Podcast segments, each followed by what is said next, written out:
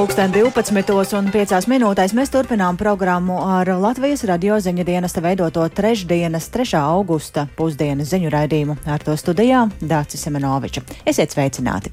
Un sāksim ar nelielu ieskatu šīs dienas tematos. Saimā grib tikt 19 politiskie spēki, uz vienu deputātu vietu pretendē 18 kandidātu. Nu, kāpēc tas nākamais simtnieks būtu labāks, ja tā augsne, no kuriem pie māla tiek mītīta, nu nav sevišķi kvalitatīva? Tie solījumi tādi, nu, pliks makšķerātis, uz kura cer, ka uzķersies. Un tāpēc cilvēkiem jābūt ļoti kritiskiem. Ķīna ir saniknota par ASV kongresa pārstāvju palātas spīkeres Pelosi vizīti Taivānā. Krievijas iebrukums Ukrainā ir vairojis starptautiskās sabiedrības bažas par Ķīnas iespējamo militāro agresiju pret Taivānu. Savukārt Pelosī sacīja, ka ASV nepametīs Taivānu vienu iespējamo draudu gadījumā. Un aizdomas par Rīgas slepenību saistībā ar uzvaras parka pieminekļu nojaucēju izvēli. Caurspīdīgā procesā 3 miljonu eiro gribētāji nebūtu trūcis. Tas, kas nešķiet pareizi, ir tas, ka mums nav bijusi iespēja pieteikties. Tas ir tas dīvainais, jo veselīgs konkurss, ka tev ir vairāki varianti un dažādas cenas, un tu vari izvēlēties to izdevīgāko.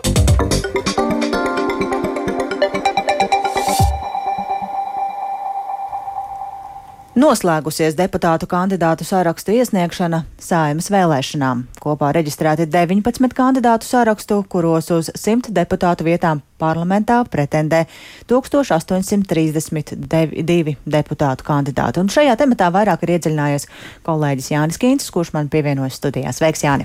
Sveika, Dārts! Sveicināti klausītāji! Šoreiz vēlēšanās kandidātu ir vairāk, ar ko tas varētu būt saistīts? Jā, gan iesniegto sarakstu, gan kandidātu tiešām ir vairāk. Uz simt deputātu vietām, kā jau tu teici, pretendēja 1832 kandidāti no 19 sarakstiem vai 18 uz vienu deputātu vietu. Tik daudz to iepriekš bija 9. saimas vēlēšanās. Salīdzinoši iepriekšējās 13. saimas vēlēšanās pirms četriem gadiem bija 16 partiju un partiju apvienību saraksti ar 1461 deputātu amata kandidātu. 10 no 19 sarakstiem eh, vēlas startēt ar maksimālu maksimālo kandidātu skaitu. Savukārt 11 eh, no 19 kandidātu sarakstiem ir eh, pretendenti uz vietu saimā, kas pašlaik jau ir pārstāvēti parlamentā. Centrālā vēlēšana komisija šādu aktivitāti saista ar faktu, ka saimnes vēlēšanās 2% vēlētāju balsu ieguvušie politiskie spēki saņems valsts finansējumu. Tāpat papildu interesi sarosīties visticamāk, visticamāk varētu būt eh, veicinājuši gan ģeopolitiskie, gan ekonomiskie apstākļi valstī. Otradien Centrālā vēlēšana komisija reģistrēja pēdējos trīs kandidātu sarakstus parakstu pieteikumus. Tās ir apvienība Latvijai, ko veido par cilvēcīgu Latviju vai kādreiz KPVLV pārpalikušie biedri, tēvzemes mantojums un brīvi, brīvai stiprai Latvijai. Un viens no šīs saraksta līderiem ir saimnes deputāts Māris Mažvilo. Kristīgi progresīvā partija savukārt vēlas veidot procesus, kas ir balstīti uz mūsdienu zinātnes sasniegumiem, un viena no līderiem ir Rīgas Tehniskās universitātes profesors un katedras vadītājs Andrejs Krasņikovs un bijušais parlamentārietis un Jūrmāls domas deputāts Imants Burvis. Krievs.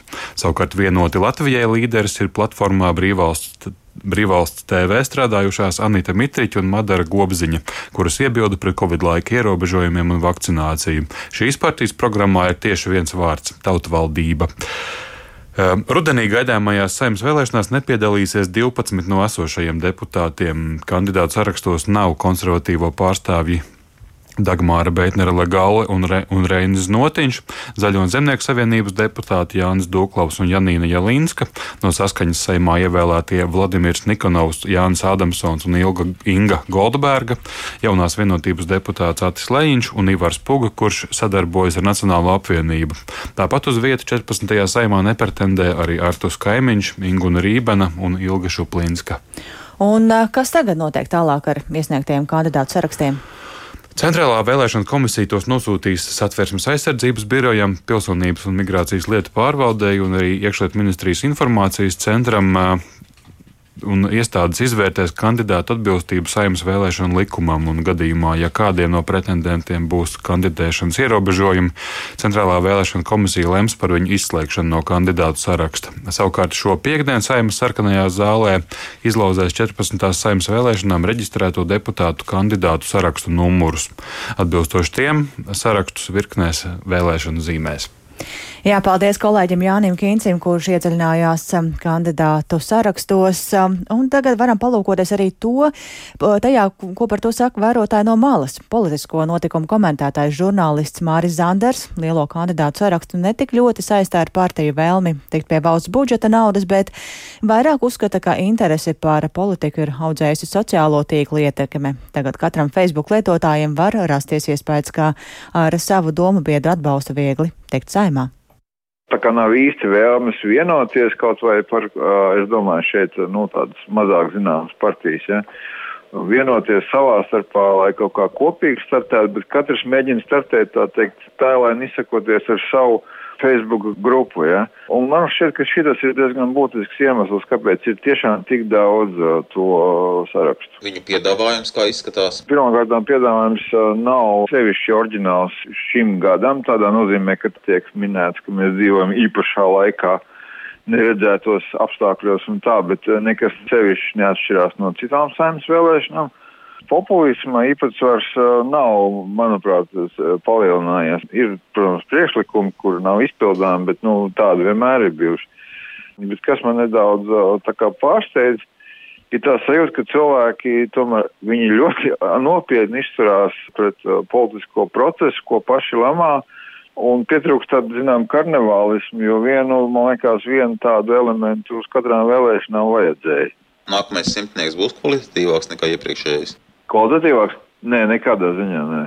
Nē, tas gan ir pilnīgi skaidrs, tāpēc, ka, nu, kāpēc, lai tas nākamais simtnieks būtu labāks, ja, ja, ja tur, piemēram, kaut vai pārvēlot uh, daļu no, no pašreizējā, nu, nebija gluži, kā sacīt, Humboldt universitātes audzēkņi 19. gadsimta intelektuāļi.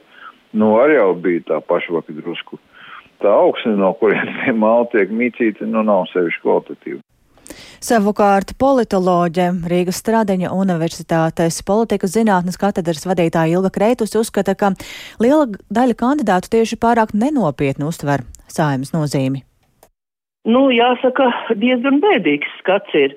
Jo, jā, ir partijas, kas uzskata, ka viņas var kandidēt vēlēšanās, kur programmā ir viens vārds ierakstīts, kur sarakstā ir 28 vai 31 cilvēks, jā, tad tas tikai parāda, ka vai nu partija saimnes vēlēšanas uzskata par zināmu teātru skatuvi, kur brīdi pagreznoties, jā, vai arī vienkārši cilvēki nenovērtē, cik nopietni tas ir. Kā izskatās programmatiskais piedāvājums? Gan arī jāsaka, lido doma zelta spārniem līdz, līdz, nu, kā es teicu, vienam vārdam. Iekšā ir ļoti daudz lietas, kas nav realizējams. Solījumi pedagogiem, darba samaksa valsts algas līmenī. Nu, tad jāsaka, un to sola valdošās partijas soli vēl vairāk, jaunā vienotība sola, kad 20% lielāks nekā vidēja alga valstī, nu tad man gribās teikt, varbūt, lai Rēkungs aiziet pie savas partijas un pastāsta, cik ir budžetā naudas un kāda tā alga ir šodien, jā. Tādi, tā, tie solījumi tādi, nu, pliks makšķerātis, uz kura cer, ka uzķersies. Un tāpēc cilvēkiem jābūt ļoti kritiskiem un ļoti tā uzmanīgiem, jautājot, Kā jūs to iedosiet, kur jūs ņemsiet naudu? Arī šie konservatīvi izdomājuši jaunu triku, nu ir 3 reizes 750, jā, populisma pieejams atkal no kā partija netiek vaļā, un cilvēkiem vajadzētu pajautāt, pa priekš, kur ir 3 reizes 500. Ko jūs sakāt par to, ka 12 pašreizējās saimnes deputāti nav nevienā sarakstā? Tas ir normāli. Tas ir normāli. Vispirms tie bija cilvēki, kuri nonāca pretrunā ar savu partiju, un var cienīt tikai par to, ka cilvēks labāk nemeklē sev siltu vietu citā partijā, bet atsakās no balotēšanās pēc tā, ko viņš ir piedzīvojis parlamentā.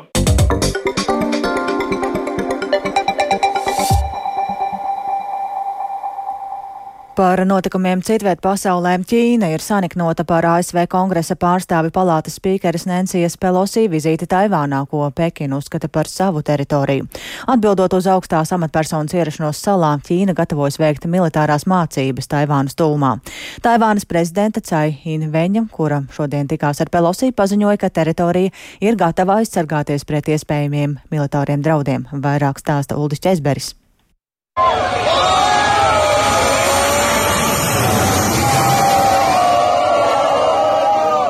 Taivānas galvaspilsētas Taibejas iedzīvotāji vakar vakarā ar gavilēm sagaidīja lidmašīnu, kas salā nogādāja ASV kongresa pārstāvju palātas spīkeri Nensiju Pelosi. Ietekmīgā amatpersona Taivānā ieradās par spīti Ķīnas valdības brīdinājumiem to nedarīt. Šodien Pelosi tikās ar Taivānas prezidenti Cai Inveņu. Tikšanās laikā Taivānas līdere pateicās Pelosi par viņas nelokāmo atbalstu salai un piešķīra viņai Taivānas augstāko civilo apbalvojumu. Cai Inveņa norādīja, ka Krievijas iebrukums Uzbrukums Ukrainā ir vairojis starptautiskās sabiedrības bažas par Ķīnas iespējamo militāro agresiju pret Taivānu, taču Taibeja esot gatava aizsargāt savu suverenitāti un demokrātiju reģionā. Mēs darīsim visu iespējamo, lai stiprinātu Taivānas pašaizsardzības spējas. Taivāna ir apņēmusies saglabāt mieru un stabilitāti Taivānas šaurumā, un mēs padarīsim Taivānu par nozīmīgu spēku reģionālās drošības stabilizēšanai veicināšanai un globālās tirzniecības attīstīšanai. Savukārt Pelosī sacīja, ka ASV nepametīs Taivānu vienu iespējamo draudu gadījumā. Kongresa pārstāvju palātā un senātā demokrāti un republikāņi ir apņēmušies nodrošināt Taivānas drošību un to, lai Taivāna spētu sevi aizsargāt visefektīvākajā veidā. Mums ir svarīgas arī mūsu kopīgās vērtības - demokrātija un brīvība, un to aizsargāšanā Taivāna ir bijusi piemērs visai pasaulē. Nencija Pelosi ir augstākā ASV amatpersona, kas pēdējo 25 gadu laikā ir apmeklējusi Taivānu, tāpēc Ķīna ārkārtīgi asi ir reaģējusi uz viņas vizīti.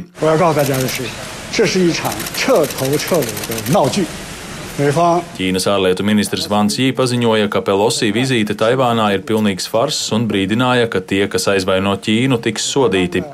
Vakar īsi pēc Pelosi ierašanās Taivānā Ķīnas armija paziņoja, ka no rītdienas līdz svētdienai Taivānas šaurumā aizvadīs militārās mācības, kuru laikā paredzēts izmantot arī kaujas munīciju. Atsevišķus militāro mācību uzdevumus plānots veikt tikai dažu desmitu kilometru attālumā no Taivānas krastiem. Taivānas aizsardzības ministrija paziņojusi, ka Ķīnas plānotās militārās mācības faktiski ir uzskatāmas par mēģinājumu īstenot salas blokādi no gaisa un jūrā. Ministrija arī brīdināja, ka Taivānas bruņoties spēki nepieciešamības gadījumā pretosies jebkādiem mēģinājumiem pārkāpt salas teritoriālo suverenitāti. Saspīlējuma pieaugums starp Taivānu un Ķīnu nopietni satrauc kaimiņu valstis. Japānas valdība paudusi bažas par gaidāmajām Ķīnas militārajām mācībām Taivānas šaurumā un izteica cerību, ka visas domstarpības tiks atrisinātas dialoga ceļā. Savukārt Dienvidkorejas prezidenta administrācija aicināja Taivānu un Ķīnu uzturēt dialogu, lai nodrošinātu mieru un stabilitāti Āzijā Āzijas un Klusā okeāna reģionā. ASV prezidenta Džo Baidena administrācija neatbalstīja Nensijas Pelosi vizīti Taivānā, un Vašingtona pirms tās centās pārliecināt Pekinu, ka šis brauciens nenozīmēs ASV politikas maiņu attiecībā pret Ķīnu vai Taivānu. Vašingtonai nav oficiālas diplomātiskās attiecības ar Taibeju, tomēr faktiski ASV un Taivāna ir tuvas ekonomiskās un militārās sabiedrotās. Taivāna no ASV pēdējos gados ir iegādājusies modernu bruņojumu vairāku miljardu dolāru vērtībā. Ķīna Taivānu uzskata par separātisku provinci, ko Pekina vēlas iegūt savā kontrolē, neizslēdzot iespēju izmantot arī militārus līdzekļus. Ķīnas prezidents Xīdziņpins ir deklarējis, ka Taivānas pievienošana Ķīnai ir jāīsteno līdz 2049. gadam, kad apritēs simts gadi kopš komunistu nākšanas pie varas Ķīnā. Uldis Česberis, Latvijas radio. No Ukrainas kontrolētās Donetskas apgabala teritorijas jau evakuējušies divas trešdaļas iedzīvotāju, bet tur vēl palikuši apmēram 250 tūkstoši cilvēku. Par to ziņo apgabala militārās administrācijas vadītājs Pavlo Kirilenko. Otradien sākās obligāta iedzīvotāja evakuācija no Donetskas apgabala, kur Kijivas kontrolēto rajonu iedzīvotājus plānots evakuēt pirms apkuras sezonas sākuma. Tikmēr Ukrainas prezidenta biroja vadītāja padomnieks Oleksijas Aristovičs ir izteicies, ka Ukrainas bruņotie Bruņotajiem spēkiem aizvien ļoti trūkst smago ieroču, lai gan Ukrainas spēkiem jākaro aptuveni 1300 km garā frontes līnijā. Turpina Rihards Plūme. Turpinoties kara darbībai Ukrainā, kārtējo reizi apšaudītas vairākas apdzīvotās vietas, tostarp Mikolaiva un Hārkiva, cietušo par laimi nēsot. Aizvadītajā diennaktī Ukrainas spēki likvidējuši vēl 180 pretiniekus, ziņo Ukrainas bruņoto spēku ģenerālštāps. Turpinās Krievijas centieni neveiksmīgi uzbrukt apdzīvotām vietām Bahmutas virzienā. Tieši tur Donetskas apgabalā tiek koncentrēti galvenie okupantu spēki. Savukārt Startautiskās atomenerģijas aģentūras vadītājs Rafaels Grosī norādījis, ka situācija Zaporīžas atomelektrostacijā, kas nonākusi Krievijas kontrolē, ir ļoti nestabila un ar katru dienu kļūst bīstamāka. Aģentūras ekspertu komanda joprojām nevar piekļūt stacijai, lai pārliecinātos par drošību tajā. Eiropai saskaroties ar lielāko enerģētikas krīzi vairāku desmit gadu laikā, valstu valdības cenšas palielināt savas gāzes rezerves pirms ziemas iestāšanās. Taču drīzumā Eiropa varētu piedzīvot arī ogļu trūkumu. Lai gan Eiropas Savienība vēlas samazināt emisijas, tomēr ogļu patēriņš pieaug. Vairākas valstis, tostarp Austrija un Nīderlande, vai nu iedarbina vecās ogļu spēkstacijas, vai arī palielina esošo jaudu, lai ietaupītu gāzi. Saskaņā ar Starptautiskās enerģētikas aģentūras datiem ogļu patēriņš pasaulē šogad sasniegs rekordu. Eiropas Savienībā patēriņam pieaugot par 7%. Vairāk stāsta Rihards Plūme. Viena no problēmām rada tas, ka Eiropas Savienībai pēc nedēļas tiks atņemts tās lielākais ogļu piegādātājs, proti dalībvalstis aprīlī noteica sankcijas Krievijas oglēm, aizliedzot turpmāku importu sākot no 10. augusta. Tas nozīmē, ka divi miljoni tonu ogļu, ko vēl jūlijā bija plānots saņemt no Krievijas, būs pēdējais šāds sūtījums. To izdevumam politiko sacīja tirgus izpētes uzņēmuma Argus Mēdija vecākais analītiķis Aleks Takraks.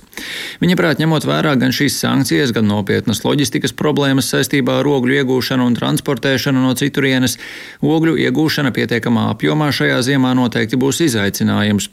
Potenciālo piegādātāju vidū ir Indonēzija, Dienvidāfrika un Kolumbija, taču Eiropas Savienības dalībvalstis saskarsies ar ārkārtīgi augstām cenām, jo visā blokā parasti tiek izmantotas īpaši augstas kaloritātes ogles, norāda eksperts. Aplūkojot Rotterdamas ogļu cenu indeksu, redzams, ka ogļu cenas jau pirms nepilnām divām nedēļām sasniedza 380 ASV dolāru par tonu, tonu, jeb četras reizes vairāk nekā šajā laikā pērn. Liela daļa Eiropas Savienībā esošo ogļu ierodas caur Amsterdamas, Rotterdamas un Antverpenes ostām un tiek pārvietotas pa Reinas upi. Jūlijam neraksturīgi augstās temperatūras dēļ upes ūdens līmenis ir pazeminājies līdz 65 centimetriem, par divām trešdaļām samazinot kravu daudzumu, ko bāržas var pārvadāt.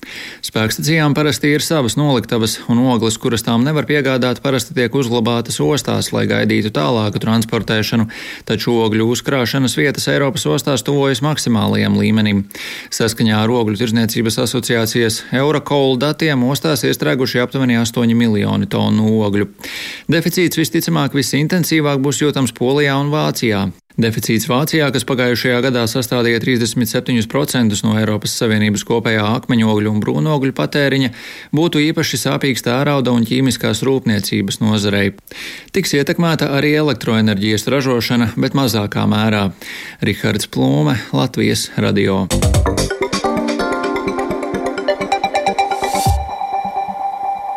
Lielā slepenībā Rīgas doma jau atradusi uzņēmēju, kas nojauks uzvaras pie, pārka pieminekli. Aizbildinoties ar provokāciju riskiem pašlaik rādsnams neatklāja, kurš tas būs un cik daudz darba izmaksās.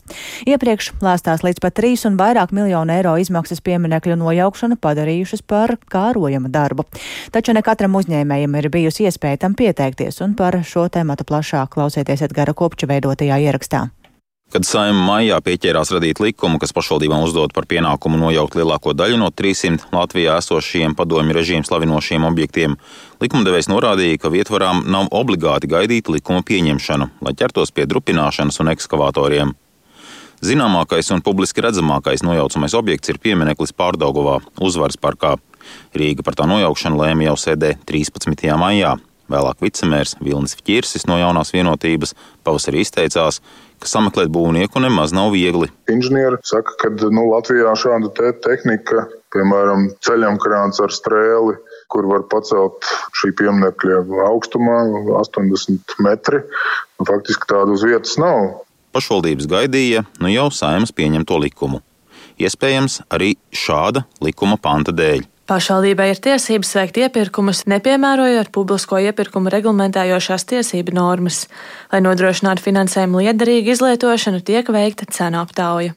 Tādējādi likumdevējs atviegloja darbu domēm, lai tās uzdevumu paveiktu līdz 15. novembrim. Jūlija vidū Rīgas vadība paziņoja, ka uzvaras parka pieminekļa nojaukšana izmaksās vismaz 2 vai pat 3 miljonus eiro, bet patiesās izmaksas pateikšot izvēlētais būvnieks. Tomēr divarpus mēnešus pēc domas lēmuma nav zināms, kā Rīga būvnieku ir meklējusi. Skaidrs, ka mūsu interesi tur parādījās, un Tā kā mums bija iepriekš laba pieredze ar ERAB, kas ir eh, jau strādā no 63. gada. Viņi strādā ar skursteņiem lielos augstumos, un arī mums ir visas certifikācijas. Nu jā, kopā mēs esam laba komanda. Iespēju tikt pie 3 miljonu eiro līguma pamanīja arī Inga Purgaļa pārstāvētais uzņēmums. In Nordics AB, kas darbojas Zviedrijā. Tad mēs lemām, kas tā pēsim. Un tā, nu, tā mēs izdomājām plānu ar stalažām, ortēs un perforātāriem un tad gāstu un, un tā tālāk. Tās jau ir detaļas. Un tā mēs tā uztietīgi sekojām līdzi, gaidījām to konkursu. Taču publiski izsludinātu iepirkumu nesagaidīja. Pirms dažām nedēļām paši sāka interesēties Rīgas domē. Tur sūtīti no viena speciālista pie cita, mērija uz vēstulēm nav atbildējusi, līdz beigās kāds jurists telefonā teicis – iespējas pieteikties nav, viss ir noslēdzies vai sācies vai noslēdzies. Tur diezgan miglaini izklausās. Skaidrību par pieminiektu nojaucēju izvēli un izmaksām tagad neizdodas rast arī Rīgas domē. Komunikācijas nodaļas vadītājs Uģis Vidauskis apgalvo, ka ir parakstījies par informācijas neizpaušanu. Lietai esot īpaša slepenība, un pašvaldība to komentēšot tikai pašas noteiktā laikā. Iespējams, preses konferencē ceturtdien. Tas, kas nešķiet pareizi, ir tas, ka mums nav bijusi iespēja pieteikties tajā konkursā un saņemt informāciju, lai varētu aprēķināt. Tas ir tas dīvainais, jo veselīgs konkurss, ka tev ir vairāki varianti un dažādas cenas, un tu vari izvēlēties to izdevīgāko. Būvniekus Rīga nav meklējusi nedz Latvijas būvuzņēmēju partnerībā, kas ir lielākā būvnieku nevalstiskā organizācija, nedz arī šo jautājumu aktualizējusi ekonomikas ministrijas paspārnē esošajā Latvijas būvniecības padomē. Tā Latvijas radio paskaidroja abu organizāciju vadītājs Gins Miķelsons. Pamatotu izmaksu skaidrojumu no Rīgas domas nav sagaidījusi arī labdarības organizācija Ziedot LV, kas pavasarī šī pieminiekļa nojaukšanai savāca 268 tūkstošus eiro. Vadītāja Rūta Dimanta Latvijas televīzijai par to pauda bažas. Ziedot LV gribēs, ka mēs šīs tāmas nojaukšanas un izmaksas varēsim saviem ziedotājiem atklāti pamatot un lai šīs izmaksas būtu samērīgas un salīdzināmas. Un labdarības organizācija uzsver, ka saziedotā nauda būs izmantojama tikai būvgružu izvešanai. Edgars Kupčs, Latvijas radio. Un cenu aptauja, kā iespēja atrast darba veicēju publiskos pasūtījumos, ir ar lielākajiem necaurspīdīgu tēriņu un darījumu partneru izvēles riskiem.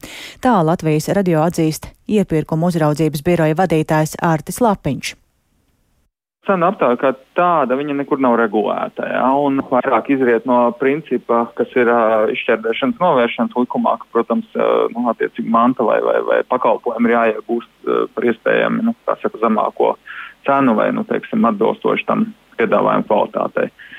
Kas var pārbaudīt, vai tiešām ir šī izšķērdēšanas novēršana ievērota? Par efektivitāti, nu, iepirkumu tātad efektivitāti, viens, kas, protams, var pārbaudīt, ir valsts kontrole savās revīzijās.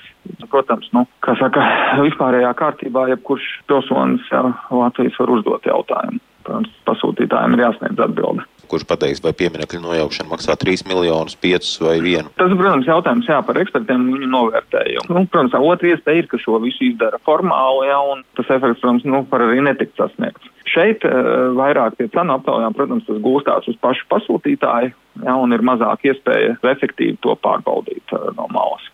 Jūs esat redzējis kādu Rīgas domas uzsaukumu, lūdzu, uzņēmēji piesakieties, piedāvājiet savu cenu pieminiektu nojaukšanai? Es neesmu sakos, līdz es nezinu, vai ir vai nav. Izsaku cerību, ka Rīgas domē tiešām ir vēlme nu, gan izpildīt likuma prasības attiecībā uz pieminiektu nojaukšanas termiņiem, gan arī saņemt pēc iespējas piedāvājumus izdevīgākus.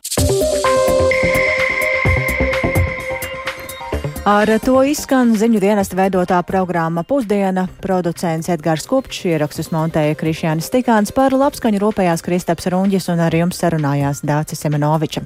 Vēl īsi par svarīgāko. Saimā grib tikt 19 politiskie spēki uz vienu deputātu vietu pretendē 18 kandidātu. Politologi pēc vēlēšanām uzlabojumus saimā neprognozē.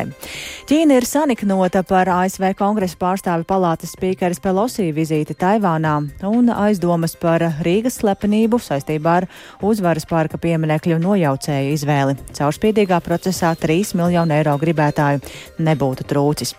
Mūsu ziņām var sekot līdzi arī Latvijas radio viens Facebook lapā, arī sabiedrisko mediju ziņu portālā LSMLV, tāpat arī var mūs atrast raidierakstu platformā kā dienas ziņas un Latvijas radio mobilajā lietotnē var mūs klausīties savā vietā runī, jebkurā laikā un jebkurā vietā.